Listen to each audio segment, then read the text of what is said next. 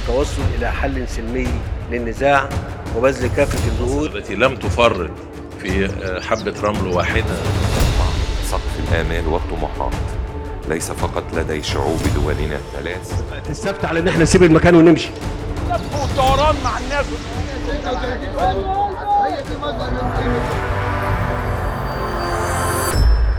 تفنيد نتتبع نتحرى نفند. أهلا بيكم في حلقة جديدة من بودكاست تفنيد. حلقتنا النهاردة فيها حكاوي كتيرة ومتنوعة. ومن حكاوينا النهاردة إننا هنتحرى عن حقيقة التصريحات اللي بتقول إن ميناء شرق بورسعيد واحد من بين الثمانية الأفضل عالميا. التصريح ده صرح بيه نائب رئيس المنطقة الاقتصادية لشؤون الاستثمار والترويج في مصر. وهنتكلم كمان عن حقيقة التصريحات اللي قالها أيمن محسب عضو مجلس النواب اللي قال فيها إن الواردات المصرية من فرنسا بلغت 2 مليار يورو مقابل صادرات لفرنسا ب 800 مليون يورو في 2021 ومن حكاوينا النهارده حقيقة التصريح الزائف اللي قاله الرئيس المصري عبد الفتاح السيسي بإن تم التطرق أثناء حديثه مع الرئيس الصومالي حسن شيخ محمود لتطورات ملف سد النهضة الاثيوبي وتوافق معاه حول خطورة السياسات الأحادية. وده كان خلال كلمته في المؤتمر الصحفي المشترك مع الرئيس الصومالي يوم 25 يوليو الماضي. هنحكي معاكم النهاردة عن حقيقة الأرقام اللي قالها الناطق السابق باسم الحكومة التونسية بخصوص التصويت اللي تم في الاستشارة الوطنية اللي سبقت الاستفتاء على الدستور. هل ما أعلنه كان صحيح أم زائف؟ هكون معاكم النهاردة في حلقة اليوم. أنا شيماء سليمان. وأنا حسام الوكيل. وأنا محمد طلبة. وبودكاست تفنيد.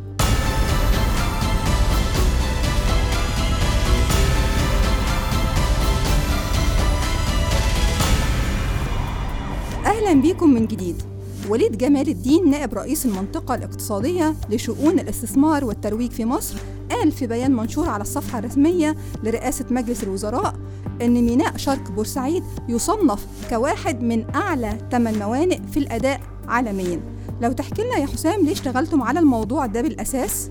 طيب خلينا نقول إن ميناء شرق بورسعيد له أهمية كبيرة بين الموانئ المصرية وده لأنه بيقع شرق التفريعة الشرقية لقناة السويس جوه المنطقة الاقتصادية وبالتالي يعتبر مركز أساسي لمحور التجارة العالمي بين أوروبا والشرق البحر المتوسط. الحكومة المصرية بتعقد آمال كبيرة جدا على المنطقة الاقتصادية بتاعت قناة السويس عايزة تخليها مركز لوجستي عالمي وبتهدف لخلق مجتمع متكامل يركز على قطاعات الصناعة والنقل البحري والخدمات اللوجستية عشان يعني يعملوا نوع من أنواع دفع عجلة التنمية الاقتصادية. وإذا كان المينا فعلا ترتيبه الثامن بين موانئ العالم فده معناه أن الحكومة حققت فعلا إنجاز كبير هيعود أثره على الاقتصاد المصري بوضوح. لذلك كان مهم إن إحنا نتأكد من دقة التصريح ده. زي ما تعودنا في كل حلقة من بودكاست تفنيد إننا بنتعرف إزاي تم التحقق من التصريح ده أو الموضوع ده. هو ده اللي حابين نعرفه من زميلنا محمد طلبة. حابين نعرف رحلة البحث والتحري في الموضوع ده تمت إزاي وإيه هي النتيجة اللي وصلوا لها. في الحقيقة إحنا رجعنا لمؤشر أداء الموانئ الصادر عن البنك الدولي لعام 2021 ولقينا إن ميناء شرق بورسعيد هو الأعلى تصنيفا بين الموانئ المصرية لعام 2021 لكنه ما جاش بين العشر موانئ الأعلى اداء في العالم. واحتل المركز ال 15 في مؤشر أداء موانئ الحاويات من بين 370 ميناء في العالم. ومن هنا قدرنا نقول إن التصريح كان غير صحيح. المؤشر كمان بيتضمن العديد من الموانئ المصرية الأخرى. زي ميناء دمياط اللي جه في المرتبة 58 وميناء الدخيلة في المرتبة 139 وكمان ميناء الإسكندرية في المرتبة 277 وبعديه ميناء السخنة في المرتبة 353 ننتقل معاكم لجزئية جديدة وحابين نتكلم فيها عن أهمية موانئ الحاويات في التجارة العالمية. حابين نستوضح ده من زميلنا حسام. البحر وسيلة مهمة جدا لنقل السلع التجارية. طيب خلينا نقول إن وفقا لبيانات البنك الدولي تقريبا أربع اخماس تجارة السلع العالمية بتتم من خلال البحر. وإن 35% من التجارة أو النقل عن طريق البحر بيتم من خلال الحاويات. لذلك موانئ الحاويات اللي بتقدم خدمات لوجستية بتعتبر من أهم الموانئ في العالم. لا شك إن أي تصريح زائف بيأثر على الاقتصاد المصري وكذلك الاستثمار لذلك نتمنى أنه بعد التحري والتقصي اللي قام بيه فريقنا يراجع كل مسؤول تصريحاته ومعلوماته ويصححها للمواطن أو الجمهور خاصة موضوعنا اللي حكينا عنه بخصوص ترتيب ميناء شرق بورسعيد.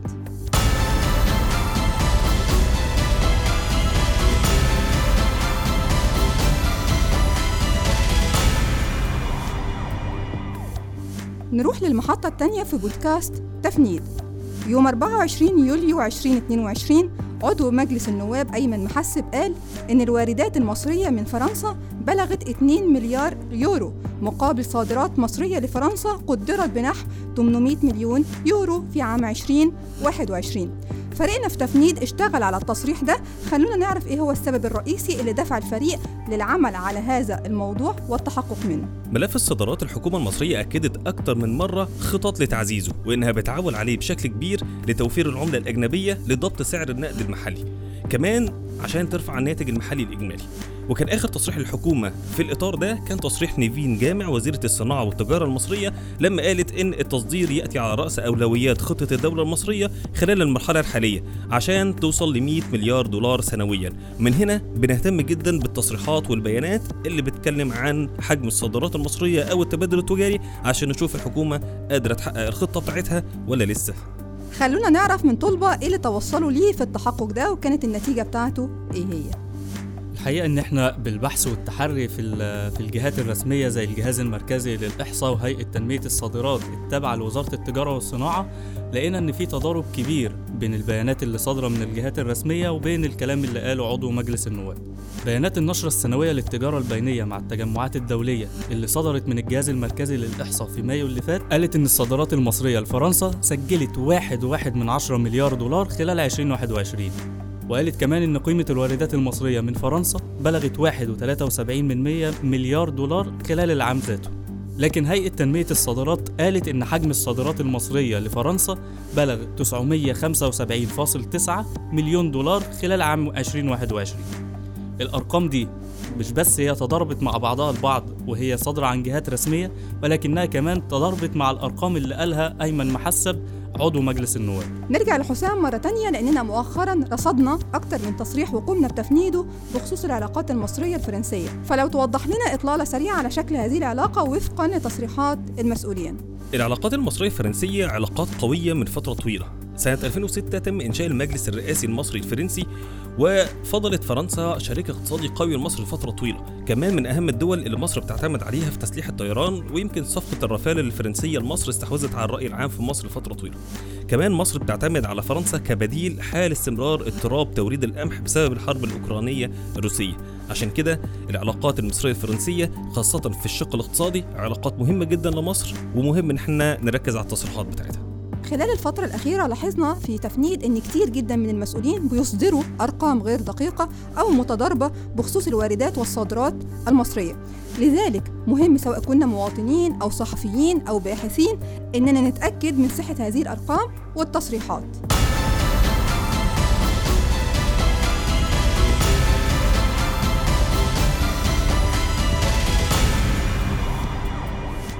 ننتقل للمحطة الثالثة من بودكاست تفنيد. الرئيس عبد الفتاح السيسي قال إنه تطرق خلال حديثه مع الرئيس الصومالي حسن شيخ محمود إلى تطورات ملف سد النهضة الإثيوبي وقال إنه توافق معاه حول خطورة السياسات الأحادية وده كان خلال كلماته في المؤتمر الصحفي المشترك مع الرئيس الصومالي يوم 25 يوليو 2022 فريق تفنيد قرر إنه يشتغل على التصريح ده.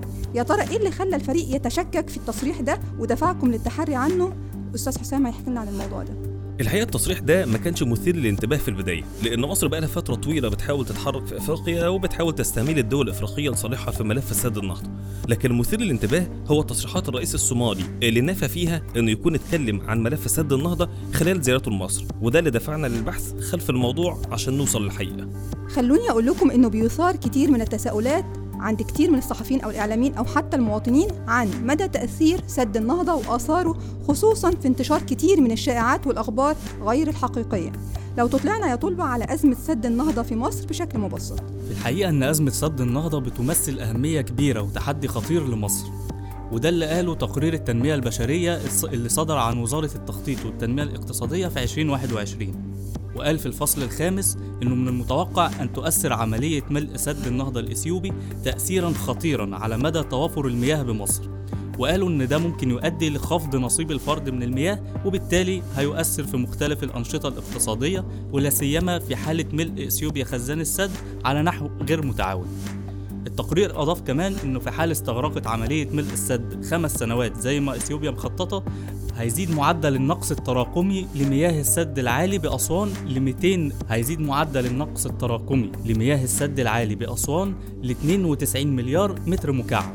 وقال إن دي موزعة على عدة سنوات. وكذلك سرعان ما سينخفض منسوب المياه في بحيرة ناصر ل 147 مليار متر مكعب وهيتعذر تعويض الفاقد ده من المياه. وأوضح كمان التقرير إن ملء سد النهضة الإثيوبي وتشغيله هيؤثر سلبا على إنتاج السد العالي من الطاقة الكهرومائية. وفي حال إنه استغرقت عملية ملء السد خمس سنوات هتصل التكلفة المرتبطة بانخفاض إنتاج السد العالي من الطاقة الكهرومائية بعد عشر سنين من عملية الملء لنحو 4.16 مليار دولار. التقرير تابع كمان وقال إن ده هيعيق قدرة مصر على ضمان الحصول على خدمات الطاقة الموثوقة والمستدامة بتكلفة ميسورة. وده الهدف السابع من أهداف التنمية المستدامة. عشان كده الأزمة سد النهضة بتمثل تحدي خطير جدا للأمة المصرية. خلونا نعرف من الأستاذ حسام إيه هو خط سير أزمة سد النهضة؟ عمليا بدأت أزمة سد النهضة سنة 2009 لما اختارت الحكومة الإثيوبية بشكل شبه نهائي المكان اللي هيتم بناء السد فيه. وبدأت عملية جس التربة والقياسات الجيولوجية. وفي 2010 وقعت إثيوبيا مع خمس دول أخرى من دول حوض النيل اتفاقية عرفت باسم اتفاقية عنتيبي. وهما إثيوبيا وأوغندا وكينيا وتنزانيا ورواندا وبروندي. الاتفاقية دي أنهت عمليا حقوق مصر التاريخية في مياه النيل. وفي أغسطس 2010 أنهت الحكومة الإثيوبية عملية مسح موقع سد النهضة. وفي نوفمبر في نفس السنة أنهت تصميم السد. وفي إبريل 2011 أعلنت تدشين مشروع إنشاء السد لكن في 2015 وقع الرئيس المصري على اتفاق مبادئ مشترك مع السودان وإثيوبيا حوالين سد النهضة، اعتبرت إثيوبيا ان الاتفاقية دي اعتراف من مصر بحقها في بناء السد وكل الإجراءات اللي هي أخذتها قبل كده ومن ضمنها الاتفاقية اللي بتهدر حقوق مصر التاريخية في مياه النيل. زي ما تعرفنا مع بعض إن قضية سد النهضة من القضايا بالغة الأهمية وضروري إن أي مسؤول يراجع تصريحاته ويتأكد منها لأن قضية بالحجم ده أكيد بتتحكم في مصير شعب بأكمله.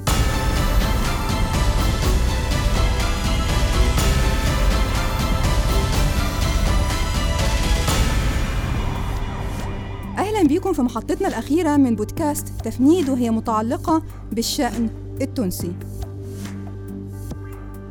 إيش قالت الاستشارة هذه؟ هل نمشوا باستشارته؟ إيش قالت؟ الثلثين قالوا نعدلوا الدستور ما نعملوش دستور جديد مشي عكس إرادتهم 86% قالوا نعملوا نظام رئاسي جاء عمل لهم نظام هجين نظام رئاسوي مغلظ اللي فيه السيد رئيس الجمهورية بعد الدستور هذايا باش يولي قيس الأول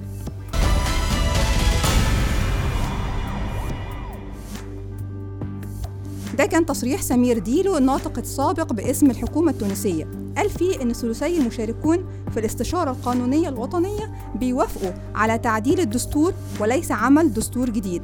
زميلتنا ريمان بارود اكتشفت خطأ في التصريح ده وبدأنا نتحرى عنه. يا ترى إيه اللي تم التوصل ليه في التحقق ده؟ هو ده اللي هنعرفه مع حسام. لما بحثنا خلف الموضوع ده ووصلنا للنتائج الأولية للاستشارة الوطنية لقينا إن هي كانت بتتناول أكتر من محور.